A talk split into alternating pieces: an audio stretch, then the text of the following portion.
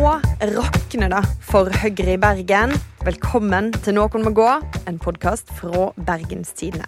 Mitt navn er Gerd Kjellflat, og i studio sitter Marie Mysen Bringsli. Halloen. Og Eirin Eikfjord. Hallais again. Og vi skal gjennom aksjehandel i regjeringen. Vi skal snakke om MDG og Høyre, og vi har selvsagt altså en ny fersk og ja, dramatisk måling på programmet.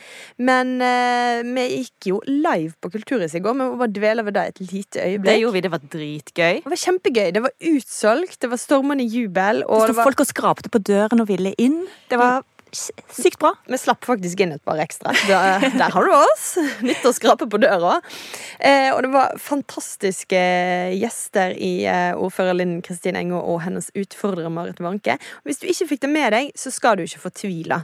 Fordi at eh, på valgkvelden, og den er det jo et kvart eh, ikke så lenge til, så er det, får du sjansen igjen. Og en en lang sjanse, for det blir sånn fem-seks timer, tror jeg. Det blir enda gøyere. Ja. Ja. Men det kommer til å bli superfint. Det på på Kulturhuset. To etasjer, liveshow, liveanalyser, god stemning.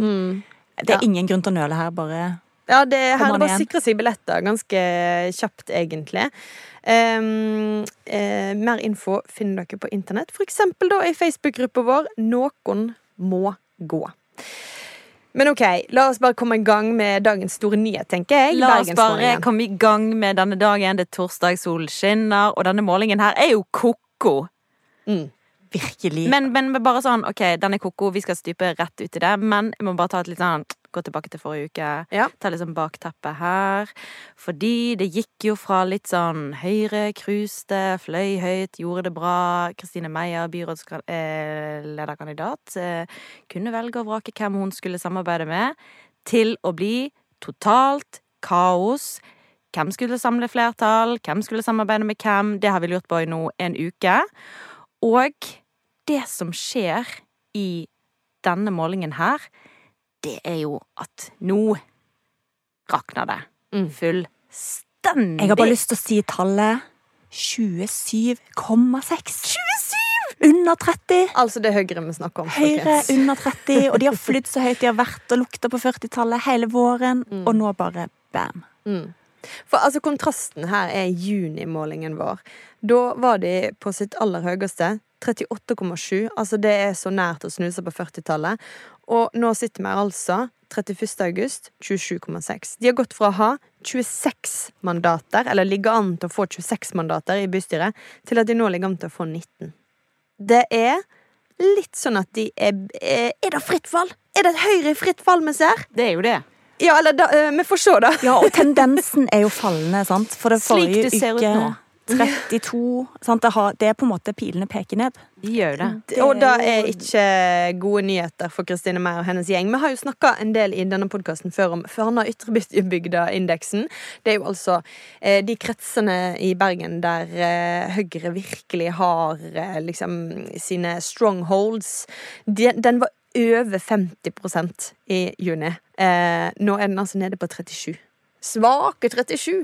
Nei, men altså virkelig, det, det er mange tegn på her at det, dette er ikke bra. Altså, første målingen etter sommeren så var den, den en ganske kraftig dupp. Det var det ned til 32-tallet. Og jeg sa jo da, og jeg står for det, at det var ikke noe krise. Du hadde de fortsatt en høy lojalitet.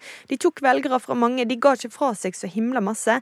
Det var mer at de andre partiene mobiliserte. Men det vi ser nå det er en kraftig dupp i lojaliteten. Altså de velgerne som stemte Høyre for to år siden. Eh, nå er eh, det et, et kraftig fall der på hvor mange som sier de vil stemme Høyre igjen. Og de mister velgere eh, rundt omkring. Ja, ja, de tar fortsatt òg. Eh, 27,6 er jo fortsatt absolutt eh, det, det største partiet i Bergen. Men dette skaper trøbbel. Det gjør det. For eh, altså Hvem skal de samarbeide med nå, da? Nei, altså, der er faktisk ikke forskjellen fra forrige måling så forskjellig.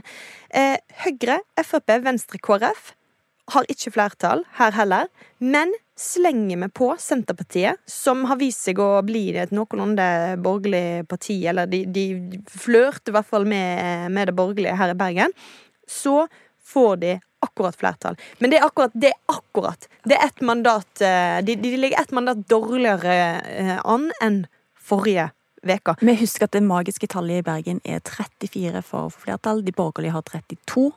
Så de kan ta med seg Senterpartiet. De kan òg ta med seg gjengen av protestpartier. Eller selvfølgelig MDG. Ja. Eh, men MDG og. Frp MDG, Ja, ja. Det, det, vi skal, komme, vi skal Ja. snakke mye om det. Ja. Men vi må jo også si Høyre er jo ikke de eneste som faller her. Altså, Arbeiderpartiet det er, Arbeiderpartiet er under 17. Igjen. Altså 16,8 på denne målingen. Igjen så er de det. Og det er, er Det vil seg bare gjenta. Det vil seg ikke på dette partiet. For nå har de Når vi snakker om denne lojaliteten, hvor mange tidligere velgere som blir ved de nå, Den har vært kjempelav for, eh, for Arbeiderpartiet. Nå er den over 50 for første gang på en evighet. Altså så vidt, da. Virkelig så vidt den er rundt 50. Um, uh, og, og de har fått noen av disse velgerne sine som var usikre, ned fra gjerdet. Vi Ja, men dessverre, da, så stikker de til andre partier. De stikker er til Høyre. Ja, de stikker til SV, de stikker til Venstre. Um, og, og, så dermed så vil det seg bare ikke for Arbeiderpartiet. Men altså Det som er interessant på denne målingen når vi snakker om hvem som kan få flertall Det er lettere på venstresiden enn høyresiden.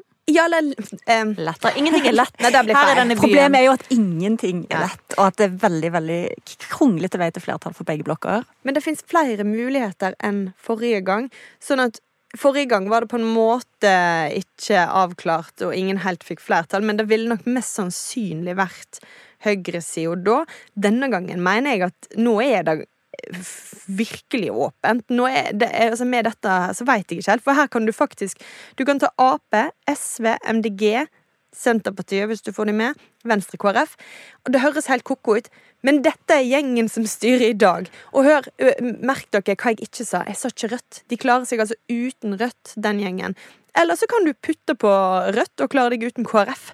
Sånn at um, mulighetene er plutselig litt eh, flere. Og hvis en ser på hele, eh, altså fra Rødt til og med Venstre, hele venstresida pluss sentrum, så ligger de altså i null fra 2019-valget. Altså De kom ut akkurat likt i totalt eh, mandater som i 2019-valget. Og det er de som styrer i dag. Jeg bare sier det. Ja, men vil Arbeiderpartiet ta på seg denne ledertrøyen med 16,8? Det, Ja, for det er jo Selv om de kan rent sånn mandatteknisk, i hvert fall ut fra denne målingen, så har det jo vist seg at det har vært krevende å styre denne byen med det grunnlaget før. Og de har slitasje og ja, motivasjonen vil jeg jo tro at er litt skranten for å gjøre en sånn øvelse igjen, der du styrer på liksom styringsgrunnlaget fra helvete. Det er ikke gøy.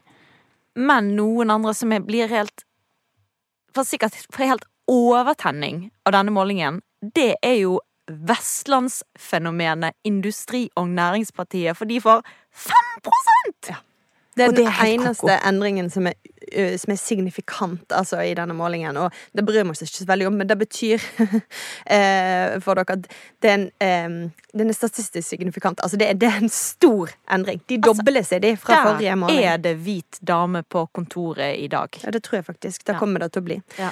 Eh, fra 2,5 forrige uke til 5% nå. Og det er en trend som stemmer veldig overens med det vi ser i andre kommuner på Vestlandet. Enten så holder de stand, eller så vokser de ganske kraftig. Og det er jo et Altså, Går det an å time en opptur bedre enn til vekene før valget? Det er helt utrolig. På denne målingen så får de tre mandat inn i bystyret, men jeg jeg har ikke snakka med de som kan dette nøye, men jeg er rimelig sikker på at de må være ganske tett på å ta det fjerde her, altså. Og de er på vei opp. Det er da, da. Nå er det liksom Nå er vi så nærme valget at vi må se på hva retning peker pilen i. Det har litt å si. Og når en da over flere målinger ser, som for Høyre sin del, at pilene de peker nedover, mens her, for INP, så peker pilene oppover, um, det tyder på bra og dårlig for de to ja, henholdsvis eh, partiene. Mm. Og det betyr jo mye mer nå, da. Målingene, hva de sier. Det, det, altså eh, Gjengangeren er jo alltid Ja, men det er lenge til valget. Nei, nå er det ikke lenge til valget. Nå skjer det. Ja, så nå må de jo bare piske folk ut for å stemme. Ja, det er Egentlig, faktisk et poeng. Mulig, sant? Da tror jeg Høyre vil gjøre noe. Hanke inn de stemmene før folk begynner å tvile.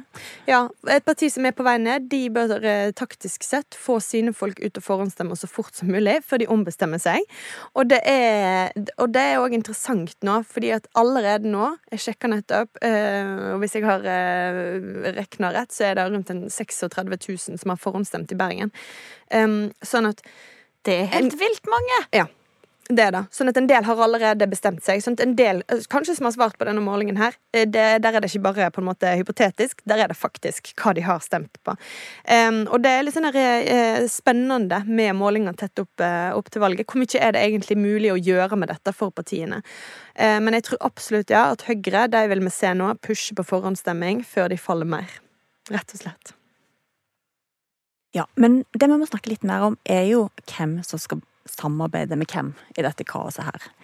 Og en liten anekdote fra denne uken, for da ga Høyre-damene et ganske legendarisk intervju som ikke gikk helt etter planen, tror jeg. Kristine Meyer, byrådslederkandidat, Marit Wanke, ordførerkandidat, ble begge spurt om Høyre kunne samarbeide med MDG. Og så viser det seg under dette intervjuet at de er ikke helt på linje.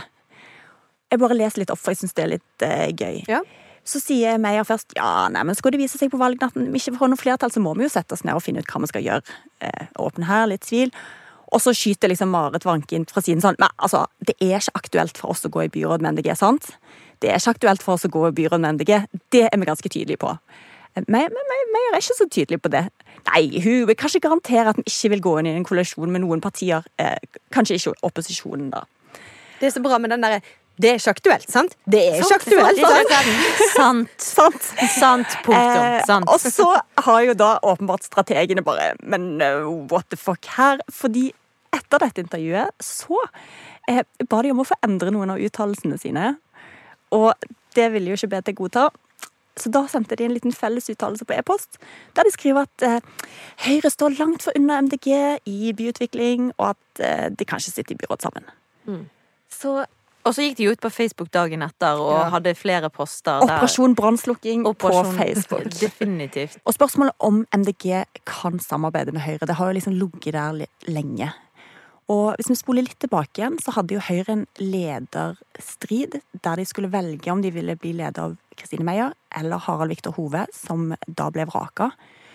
Og i diskusjonen mellom de så var MDG òg et tema da den, dette valget kom på spissen. Og Det er egentlig et ja-nei-spørsmål, eh, men dere skal få forklare litt. altså. Eh, Da kan du begynne nå, Hove. Kan Høyre sitte i byråd med MDG? Nei. Det var veldig, veldig tydelig. Vi skal jo skifte de ut, så det blir pussig å gå inn i et byråd med de som vi skal skifte ut. Hva som ikke vi har fått på Bergen. Jeg sier tja, det kan være. Eh, Vi skal være åpen for det, eh, men da må MDG skifte en del av sin politikk. Hva da? Så med dagens politikk, ja, bl.a. det vi nå har snakket om eh, Og MDG har jo ikke skiftet sin politikk siden sist. Nei.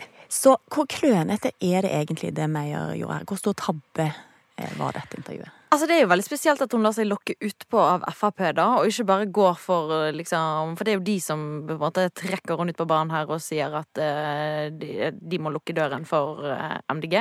Uh, jeg syns det er veldig rart at hun ikke bare sier det er jo ikke Frp som bestemmer over Høyre, og bare avviser det sånn, men heller liksom går Jo, men hun var, litt inn i det.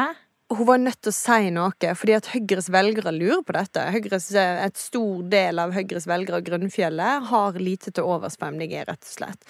Og sånn at det her er jo et spørsmål som ulmer også, som er viktig for hennes velgere. Eh, Men det er rart at de ikke har tenkt ut, altså fra det her klippet mørkt, det er jo fra 2022.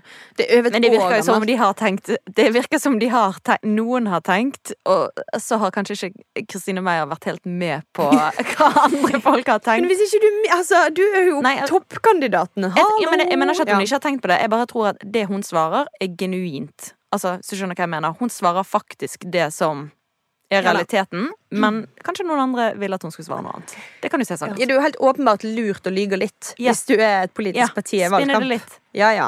Eh, og, og altså, politikken er jo den eneste plassen der nei egentlig ikke betyr nei. Eh, sant? Og, og for det er jo klart at selvfølgelig, hvis ting kommer på spissen, hvis eh, det er det som skal til for å få flertall, så går man i forhandlinger osv. Men det er ikke et budskap som er så lett å selge i valgkampen. Kristine Meyer. Absolutt. Men dette er jo ikke første gangen vi ser at Meyer bare sporer av fra manuset hun har fått fra strategene sine. Vi husker sant, Dagsnytt 18, så blir det tema at Arbeiderpartiet vil samarbeide med Rødt. Og da skyter hun inn at ja, ja, men da får vi jo sekstimersdag, eh, rekordmange kommunale boliger og liksom Og omfordeling. Omfordeling. Så bare sånn OK, frykt, frykt, frykt. Ja. Eh, og så, da det ble et tema om Høyre faktisk kunne tenke seg å overta styret denne byen etter at Ap-byrådet gikk av på barnevernsskandalen, så var hun òg litt sånn ærlig på at jeg har ikke noe sterkt ønske om å gjøre det akkurat nå. Så det er jo noe med at eh, hvis hun er på frifot, så bare skjer det ting som kanskje ikke de hadde helt eh, tenkt var den beste taktikken. Nei, hun er rett og slett bare ikke noen stor taktiker. Hun har, jeg tror hun har null interesse av politisk spill. Eh, Jeg tror ikke hun er veldig god på det heller. Eh, Og hun svarer jo ærlig, da. Og da Det er jo sympatisk på en måte at du faktisk svarer litt ærlig. Ja, men det viser jo det, Men det får meg òg til på en måte stusse ved hvor godt kommer det til å gå i byrådsforhandlinger, og egentlig bare også styre byen senere. For taktikk er jo òg en del av politikken.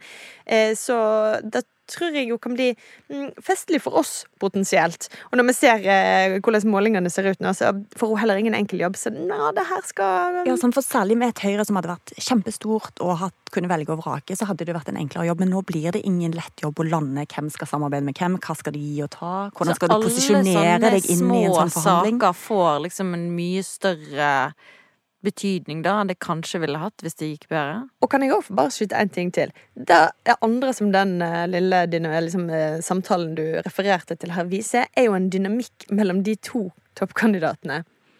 Som er spennende. Det er jo spennende å velge å gå i en liten sånn småkrangling, kjekling, foran en journalist. For Du skulle jo tro at de bare klarerte med hverandre hva de skulle si eh, først. Nei, Og altså, at dette var et tema som var avklart. Det er jo veldig spennende for oss. Ja, det er helt topp. Men vi så jo denne duppen på målingene for Høyre. Sant? Og, og eh, disse intervjuene er jo gjort i løpet av denne uken. Denne saken her kom på mandag. Tror dere det har hatt en? Altså, det er jo helt umulig å si, men hvor viktig tror dere det er for Høyre sine velgere, det med MDG-spørsmålet? Hvor rød klut er de egentlig?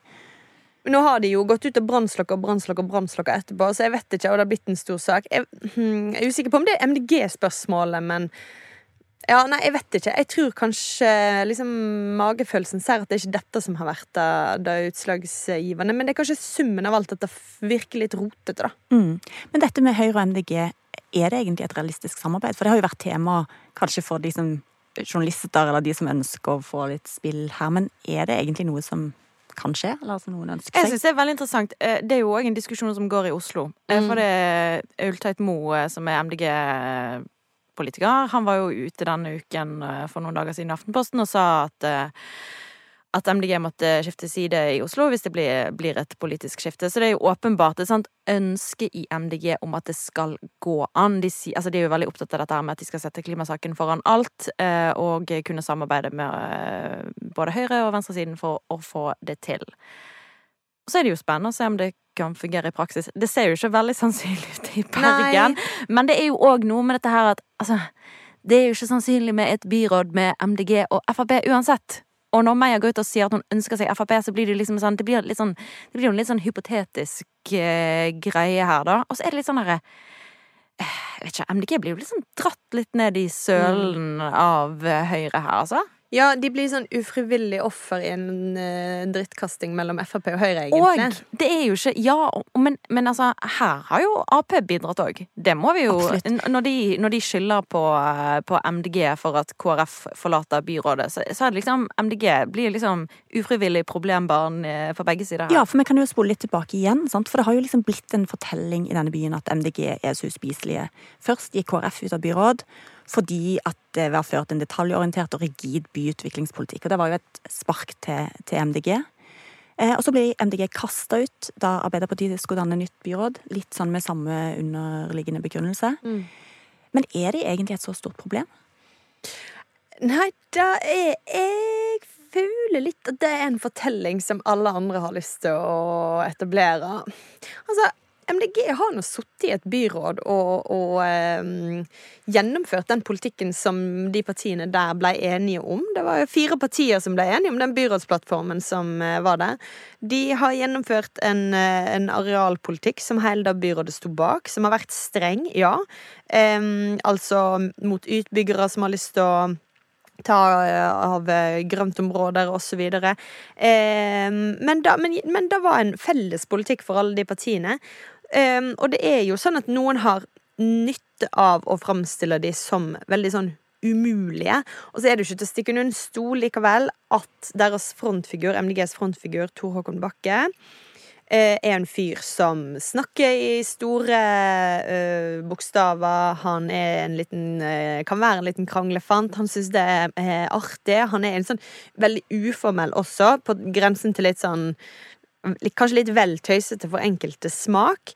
Men Han er ikke konfliktsky. sant? Han Nei. er veldig står på for det han mener. Han og ikke redd for å gå i fight med utbyggere eller næringsliv. eller sant? Klimasaken er på en måte driveren og det overordnede viktigste, og da Ja. viker han ikke fra det. Og det som er interessant, da, det er jo altså Ingrid Nergård Fjelstad, som har overtatt som eh, byutviklingsbyråd Ja, fra Venstre. fra Venstre. De har jo egentlig veldig lik politikk. Ja. Og det, Ja. men det hun har gjort, er at hun har liksom cruised inn og klippet snorer på mange av MDG sine store prosjekter, og har jo vært veldig, veldig bevisst på å fremstille seg sjøl òg som en eh, hva skal jeg si antikonfliktperson. Altså Mm. veldig sånn diplomatisk, gå i dialog med næringslivet, rydde ting av veien sånn at prosjekter kan, kan komme i gang. Og det har jo vært veldig bevisst fra deres altså det jo, De har jo en kjempeinteresse av å fremstille seg selv som næringsvennlige. Men liksom, er det egentlig de store sakene som skiller de to, eller? I hvert fall ikke på, på byutviklingspolitikken, som jo er den viktigste for begge disse to partiene. For det er jo der du på en måte, hvis du har klima og miljø som din hovedsaker, så er det på en måte der du får gjort ting i Bergen, i en kommune. Det Hadde kanskje vært litt vanskeligere å fremstille til Håkon Bakke som et stort problem hvis han hadde fått liksom alle disse snorklippingsbildene da, som hun har fått.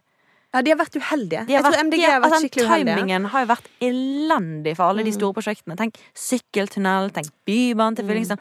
Alt dette her har de gått glipp av. Ja, Men også har de òg spilt kortene sine på Altså, De har valgt, og i ettertid, når de ble kasta ut, laga masse støy. Eh, de var, gjorde det veldig klart at de, de ikke likte det. Eh, så de har jo De har også på en måte spilt rollen som litt trassig og fornærma, og da er det Kanskje var ikke det en god strategi. Ja, for eksempel det at de ikke ville gå inn i budsjettsamarbeid likevel med Arbeiderpartiet, sånn at de ble nødt til å inngå et samarbeid med Høyre. Det er jo klart, det er jo jævlig irriterende for de som har sittet og lagd det budsjettet sammen med MDG. Og så skjønner man jo at de blir sure, men det er liksom denne trassige, som du sier, sant. Eh, og der Venstre som en kontrast kan fremstille seg som veldig lett å ha med å gjøre, og løsningsorienterte. Og nå på denne målingen her så ser vi at Venstre eh, i netto stjeler velgere. Altså de stjeler flere velgere fra MDG enn MDG stjeler fra Venstre. Venstre kommer vinnerne ut av denne duellen. Eh, de ligger også litt høyere på målingene enn MDG, så det er jo en eh, Det er motsatt av hvordan det var i forrige valg. Nei, dette er ikke en veldig bra posisjon å være for MDG. Jeg tror dette er krevende. Men har de, sant, de De er jo ganske enige om byutvikling, egentlig. Altså, Er det bare en fortelling om at Venstre er mye mer næringsvennlige, som har planta seg fordi at Venstre er sånn eh, små og mellomstore bedrifters parti, og liksom litt mer sånn nøytral i fremgangsmåten? Eller er det store forskjeller her, egentlig? Litt forskjeller sikkert, men, så tror jeg, men jeg tror at eh, Som du er inne på, Marie, så det er en, liksom en fortelling som får lov til å leve. Og særlig fordi at egentlig både Arbeiderpartiet, men også veldig Høyre forteller den historien om igjen og om igjen og om igjen. Så de, Venstre får drahjelp av Høyre, MDG gjør- får det motsatte. Det er definitivt blitt i hvert fall en sånn fortelling som har satt seg, da. Ja. Og liksom lett for Venstre å vise fram ting som hun har sagt ja til. sant?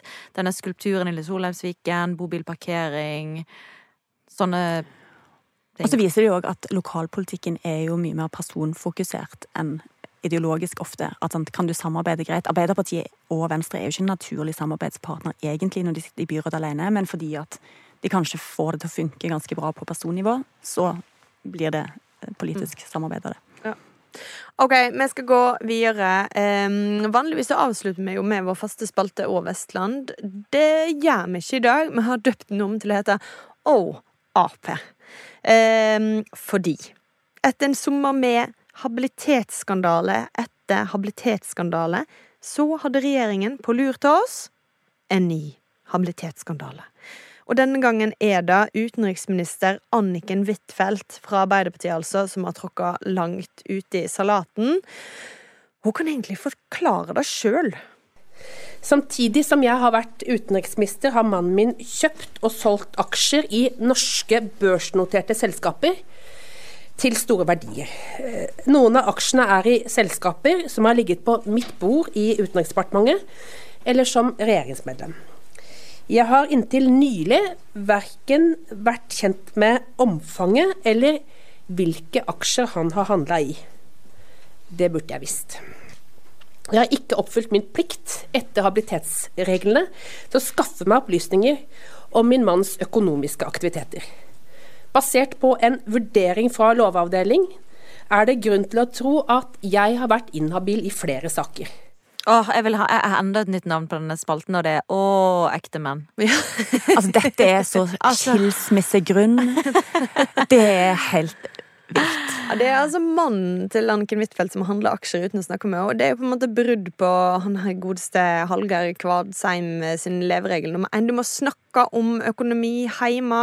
Det er veldig, veldig veldig viktig at det ikke er et tabu her. Um, Huitfeldt forteller at dette kom opp Vi må dvele litt ved dette, faktisk. Det kom opp på biltur. De var på vei hjem fra ferie. Det er denne saken om eh, tidligere forsknings- og høyere utdanningsminister Ola Borten Moe sprakk i sommer, der han jo hadde kjøpt eh, aksjer i Kongsberg Gruppen, og da felte han. Og Huitfeldt skal da ha spurt mannen sin om Han hadde vel ikke noen aksjer som kunne skape problem for henne? Nei da, Jeg ser sa for meg at han sitter bare sånn stille bak rattet og kjører og bare Nei, dette skal, Klamrer seg litt dette fast. skal ikke du tenke på. Ja. Og så sier hun at i løpet av turen ble det klart at det kanskje ikke var eh, så ufarlig. Det høres ut som bilturen fra helvete. Å, det blir dårlig stemning der, altså. Men det er jo fascinerende denne kjedereaksjonen vi ser i Arbeiderpartiet. der de, de plutselig sånn, Å, jeg ser andre skandaler, andre som bare roter det til, og så skjønner de sånn Å ja, kanskje jeg bør, bør sjekke min egen Altså, At det ikke har falt inn før, det er jo helt absurd. Ja, det er ganske ko-ko, At det altså. må liksom eh, noen statsrådavganger til før du faktisk gidder å sjekke aksjeporteføljen til ektemannen din. Det tenker jeg du burde gjort før. greien, greien her er jo da at mannen hennes har tenkt at hvis han ikke forteller henne om aksjekjøpene sine, så er det heller ingen problem. Så blir ikke hun inhabil, så, så, så skaper det ingen eh, Ikke noe trøbbel for henne. Men det er ikke sånn det funker, for det er noe som heter uvitende inhabil. Eiren, du er juseksperten. Jeg vet ikke om dette er en juridisk term i seg sjøl, men Jeg mener, jeg har ikke hørt om denne termen før. Kanskje det var noe de fant på, nå nå. i regjeringen Hva skal vi kalle dette? Nei, men forklar, altså Når du er inhabil vanligvis, så, så veit du Så er det fordi du kjenner til noen ting, eller har Ja. bindinger som er åpenbart for deg, som gjør at du ikke kan ta beslutninger, fordi bli, dine beslutninger vil bli prega av de bindingene og det du vet om. Hvis du ikke vet at du har disse bindingene, som hun, hvis vi skal tro det hun sier, ikke visste, så har jo ikke hennes beslutninger i regjering blitt prega av hans aksjekjøp, fordi at hun liksom ikke har visst det. Så sånn sett så har jo Altså det eh, Lovavdelingen som er på en måte hakket mer juseksperter enn meg, bitte litt, eh, de har sagt at OK, du er Det er grunn til å tro at du har vært inhabil fordi at du har hatt kunnskap og vært borti saker som, som du ikke burde. Men fordi at du liksom ikke har visst dette, så er ikke det å ha vært borti ugyldig. Så får du liksom ikke samme konsekvens som det ellers ville hatt. Men hva er da problemet? Altså Det som er så drøyt, da, det er jo at hun har latt denne vurderingen være opp til mannen. Det er jo det som er problemet. Hun har på en måte respektert hans ønske om å ha vanntette skott mellom hans liksom, økonomiske investeringer og hennes jobb som utenriksminister.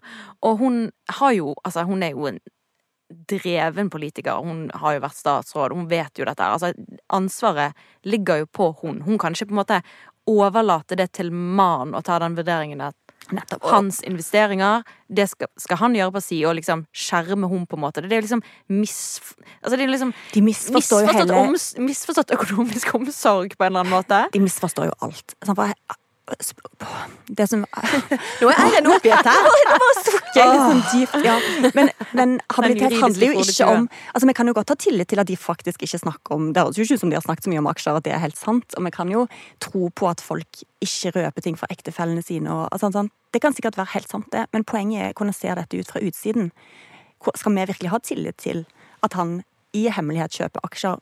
Liksom, de må jo anta at de vet litt om hverandres økonomi. sånn at Selv om det kanskje er sant at de ikke snakker om dette, og at han har operert helt på egen hånd, så ser det så dårlig ut fra utsiden. Og det er det som er problemet. Det ser Ja. Men, og og hun, hun har jo gjennom hans aksjer Altså Det er jo økonomisk interesse for hun uansett om hun vet om det eller ikke. Det er akkurat det. For det, vi legger jo til grunn at ektefeller har et økonomisk interessefellesskap. De opererer som en enhet. Sant? Du har en veldig sterk identifisering mellom de. Du antar at det den ene vet, vet den andre, i hvert fall når det gjelder privat økonomi og sånn.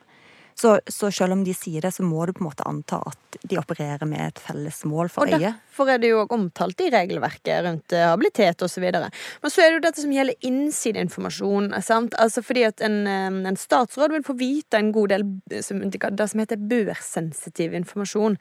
Altså ting som vil påvirke aksjekursen kursen. Sånn Begynner å snakke som Anniken Huitfeldt ja, nå? snakker sånn østlandsk. Eh, aksjekursen til selskaper. Em, og det er jo strengt ulovlig å bruke den eh, kunnskapen til å eh, kjøpe og selge aksjer før det er offentlig informasjon. Og når hun ikke har visst hvor han har aksjer, så kommer det inn da noe med at hun kan ha delt informasjon. Jeg bare ser for meg at det liksom demrer for hun sånn Fortalte jeg om det møtet ute på Ja. reisen Når jeg dro til Kongsberg. Hva skal du gjøre på Kongsberg, ja, egentlig? Ja, eller at hun var kjempeglad når hun kom hjem fra et møte der, eller kjempetrist, eller Ja, for det er jo, hvis du drar altså Særlig det er jo Kongsberg-gruppen og våpenhandel eh, som, som igjen er et eksempel da, for der har altså mannen til Huitfeldt også kjøpt og eid, hatt aksjer og solgt. Eh, men det, ja, det er sant som du ser. Altså, det er ikke så mye annet på Kongsberg. Sølvgruvene er nedlagt, er bare våpen igjen. Sant? Hva i all verden skal hun ellers der? Og det er en krig i Ukraina. Hun er Alle skjønner at våpen er på en måte hot topic. Ja.